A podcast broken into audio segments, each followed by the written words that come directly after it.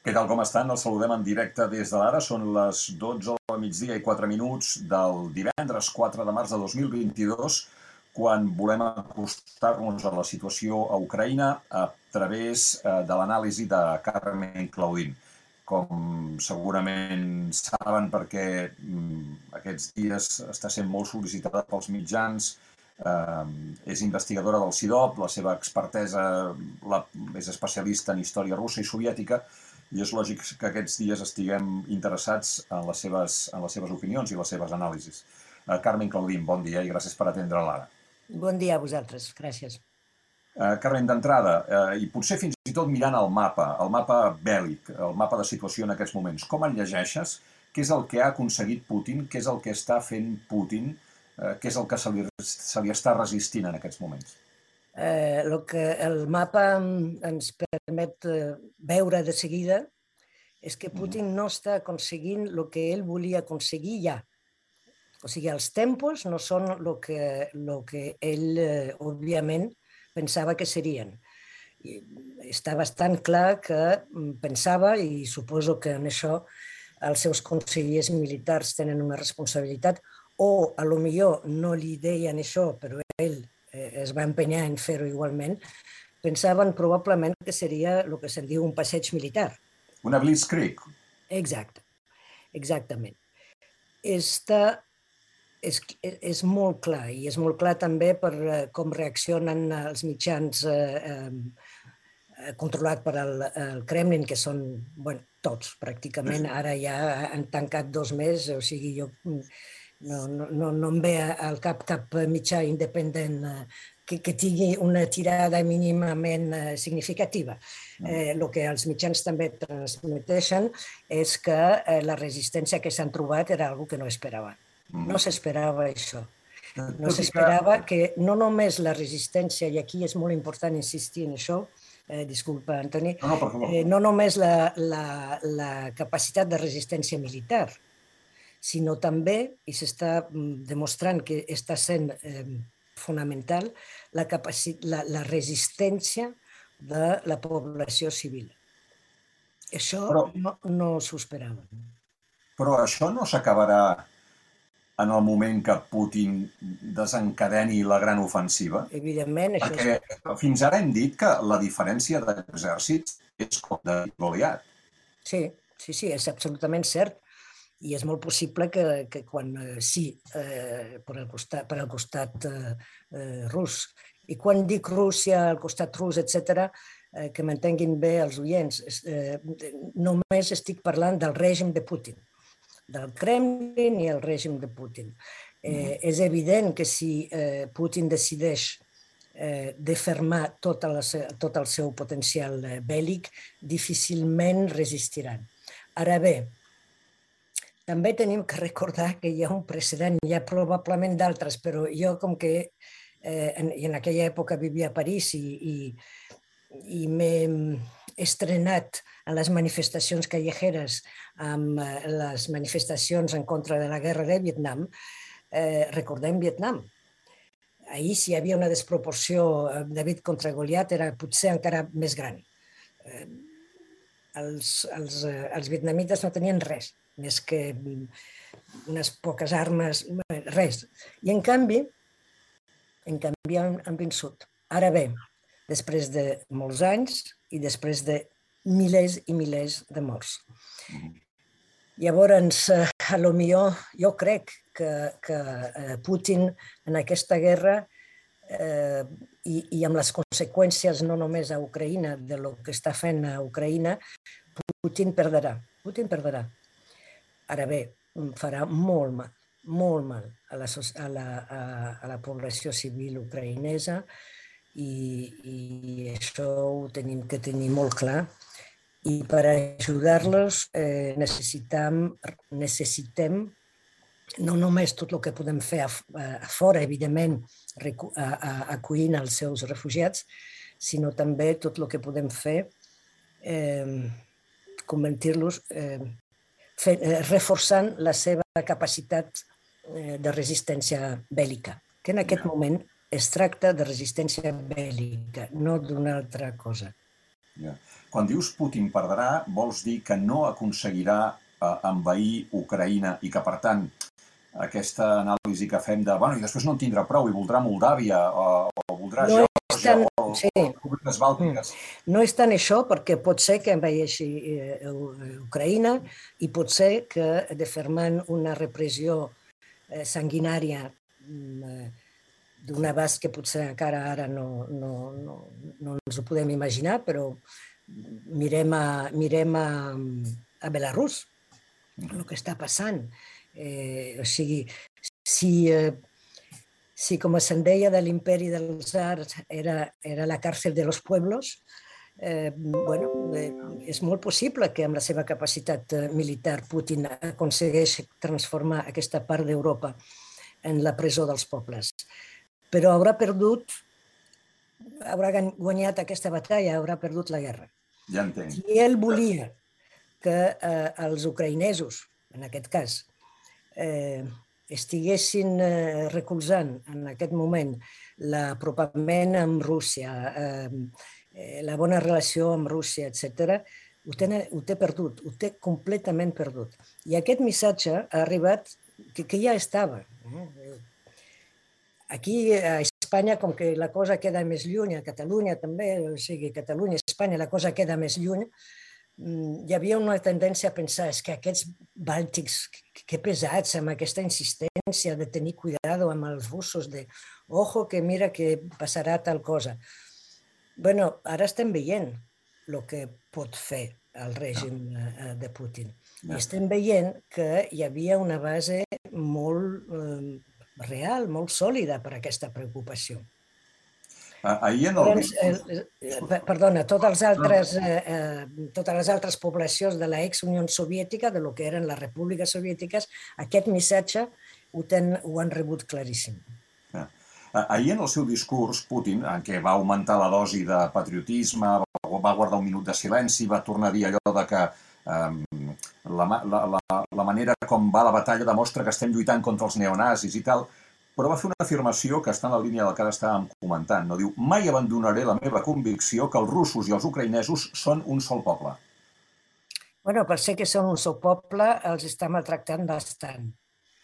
Eh, a veure, eh, si som un sol poble i això és el que fa el seu germà de sang, jo no sé com, se, com espera ell que reaccionin els que no són un sol poble amb Rússia la, el, el cinisme del, de la narrativa, com se'n diu ara, a la meva època se'n deia discurs dominant, eh, el cinisme de la narrativa del Kremlin no té límits, no té límits.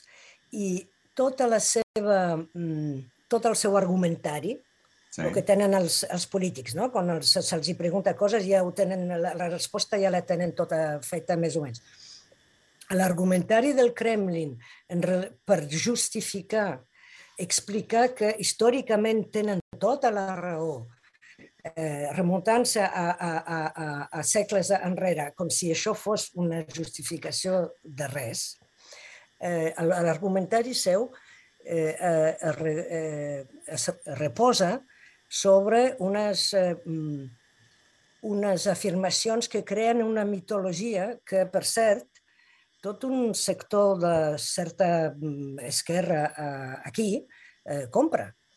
Aquestes, aquests mites quins són? Que eh, eh, lo, de la, del, lo del feixisme i de lo dels eh, neonazis és el primer. Això és una falsitat total. Eh, ara, perquè hi ha una guerra i la gent no pot anar a veure'l, però jo quan em deien això els deia és que està molt a prop Ucrània, eh? Està més a prop que Suècia, per dir alguna cosa. Eh, aneu, aneu allà, pregunteu a la gent, parleu amb ells, eh, a veure si està perseguit el rus, si eh, la minoria russa està perseguida, o on estan els feixistes, on estan? Perquè en les institucions no hi són, Antoni, no hi són els feixistes. L'extrema dreta és un perill, com li vaig recordar a un polític eh, espanyol, l'extrema dreta és un problema i un perill eh, eh, aquí, a casa nostra, o a França, per dir alguna cosa. En, aquell, en aquest moment, no a Ucraïna. No han aconseguit ni un sol seient a, al Parlament. sí que són molt vistosos, sí que diuen, eh, eh, diuen tenen discursos eh, o tenen el batalló Azov. Tenen el batalló Azov, que es va crear en el seu primer moment, etc, però està grosso modo controlat per a l'exèrcit regular. Tot mm. això és cert, però no estan a la toma de decisió política. I jo recordo sempre a la gent que si fos cert de que la minoria russa està eh, eh, en perill, de que eh, la societat eh, ucraïnesa és eh, majoritàriament eh, nazi i, o controlada per als nazis, etc., com expliquen llavors que el president eh, ucraïnès actual, elegit eh, per més de, eh, amb més de 70% eh, de, de vots, com és possible que sigui de família russa, parli malament ucraïnès, el que parla bé és el rus, i sigui jueu. Que m'ho expliquin. No. Uh, uh, parlant de Rússia, com uh, les sancions poden, uh, en fi, com, com poden fer-li mal a, a Putin o en quin termini? Uh, les, sancions, les sancions d'ara. Sí. Ara estan fent molt mal. I ja, i, i faran encara més mal a, mida que, a mesura que vagi passant el temps, evidentment. Les sancions eh, anteriors, era l'impacte era poc, eh, era poc, l'impacte no, no era tan contundent. Ara, sobretot tot el que té a veure amb la desvinculació amb el sistema financer, això està fent molt mal. Eh, Ara he llegit fa poc que hi ha una, eh, una empresa molt important que seria el que es, es considerava el Google eh, rus, Yandex, Yandex.ru. Eh, diuen que probablement tindran que fer, com es diu, fer default. Eh, no, una fallida. De, una fallida. Un concurs, un concurs de creditors. Sí, un concurs de, de creditors, eh, si això segueix així, perquè ells no poden sortir a, a, a borsa com, com han de poder fer. Eh, I sembla que eh, ja, tot, ja comença, eh, comencen a queixar-se de la situació, inclús eh, una, tota una sèrie d'oligarcs que ara s'estan posant nerviosos perquè abans eh, les, eh, les sancions no, eh, no feien mal a la seva fortuna personal. Ara sí. No. I abans les sancions no els preocupava perquè mm, bueno, danyaven eh, més el, el consumidor, diguéssim, de peu eh, rus, que és el problema de sempre de les sancions en general. Sí, sí. Però ara no, i això és molt bo. O sigui, s'ha d'anar eh, a fer molt mal eh, als palaus, mansions, iates, jets, eh, d'aquesta gent. És clar, no podran viatjar a les seves, mm, als seus apartaments a Nova York, no podran enviar els seus fills a estudiar a Oxford, totes aquestes coses. Sí, sí. No? La, la les residències cosa, a Marbella... La qual cosa, eh, la qual cosa, disculpa, Carmen, em fa preguntar-te sobre la personalitat de Putin en el sentit següent. En certa forma, ell sap que ja mai més podrà sortir de Rússia perquè eh, serà jutjat per un tribunal penal internacional. Eh, o sigui, fins a quin punt no estem davant d'un personatge eh, i no, no, no et pregunto si creus que està boig o no, sinó si estem davant d'un personatge que ha decidit passar la història de la manera que ell vol o creu que s'ha de fer i que ha decidit que morirà matant. Estem davant d'un uh, líder així? Jo crec que se li apropa molt. Eh, jo crec que realment eh, eh, s'ha carregat a les seves espatlles eh, un rol messiànic que ell entén com un rol messiànic de suposar, eh, suposadament alliberament dels pobles eh, germans i, i efectivament jo crec que, i això correspon per cert amb l'anàlisi d'uns quants experts eh, russos, russos també eh, independents. Eh, vol passar la història eh, així, com, el, com a, a, aquell que ha tornat a, a unir, a unificar els pobles eslaus, eh, el que ha tornat a, a, a, a, ha retornat la seva grandesa eh, com a potència eh, a Rússia, i jo crec que sí, mm, sempre vaig amb molt cuidado, com, com fas tu, de no dir que algú està boig o no sé què, però jo crec que aquí hi ha una dimensió patològica que això els experts ens ho tindrien que dir eh, com va la cosa. Tinc un amic rus que és eh, psicoanalista i que em diu que ell creu que respon molt a lo que e, és la canyana, que el que els lacanians eh, eh, en diuen, eh, com m'ha dit ell, un, eh, un, una psicosis eh, eh, banal, que són aquesta gent que sembla normal, eh, que és el teu veí que et diu hola i és molt amable i, i, i molt educadet, i, i que un bon dia pues, eh, mata a, a, a, a, a la verdolera de, del mercat. I ah. tothom diu, però com? Però com pot ser? Però si és, si és tan amable, està molt ben, sempre va molt ben vestit, etc. bueno, eh, tot això és especulació, és evident. Sí, sí, sí, Però hi ha, una, hi ha una dimensió, jo crec, psicopatològica en aquest comportament, perquè si no és difícil d'explicar aquesta ceguera. Yeah. Almenys de que també, que això també passa molt, disculpe, no. eh, amb els, eh, amb els, eh, amb els homes.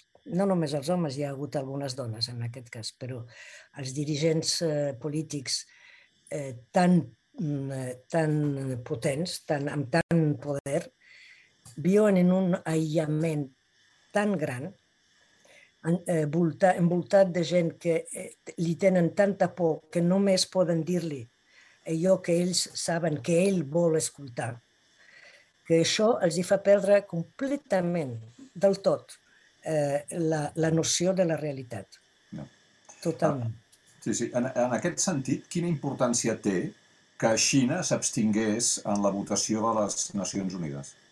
Jo, jo sóc dels que considera que això és molt important. Alguns diuen, bueno, però no ha votat en contra. No, esclar que no. Oh, però és que abans votava a favor. Abans votava a favor. Xina s'ha abstingut i jo això crec que és importantíssim. I jo crec que si hi ha alguna potència eh, eh, eh estrangera que pot tenir algun paper de moderació eh, de la política d'extermini dels eh, ucraïnesos de Rússia és, eh, és Xina, claríssimament. Xina vol recolzar a Putin. Li és absolutament igual el que està fent Putin a dins del seu país. Ara bé, hi ha un principi que per als xinesos és sagrat, que és la, la integritat territorial.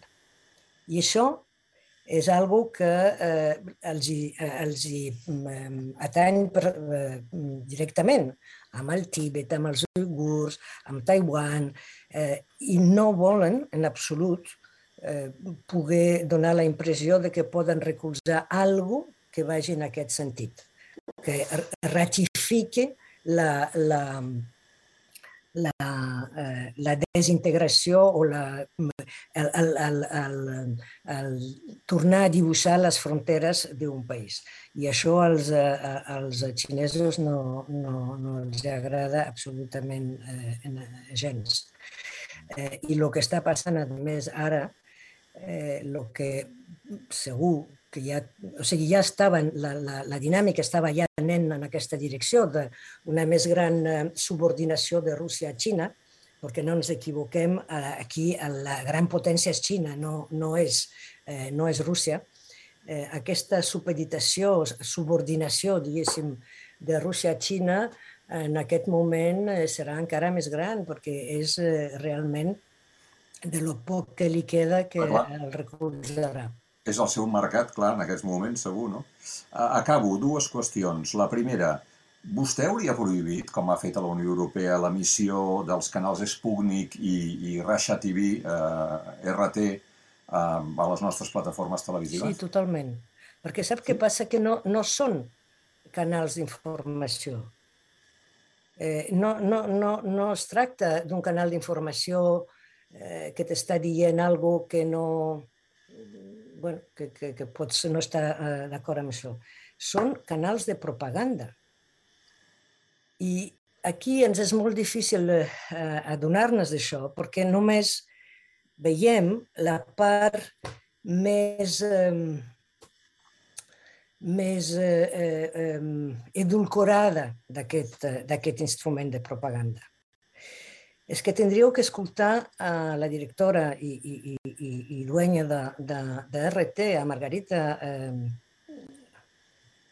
Simonian, disculpeu, Margarita Simonian, la tindrí, tindríeu que sentir-la parlar d'aquesta guerra, eh, dels ucraïnesos, eh, dels armenis, eh, dels georgians, com parla d'ells, com explica la realitat de, de, de, lo que, de lo que està passant al nostre voltant, com mm, o sigui, és, és, eh, és una cortesana, és literalment una cortesana eh, de la corte de, de, de Putin.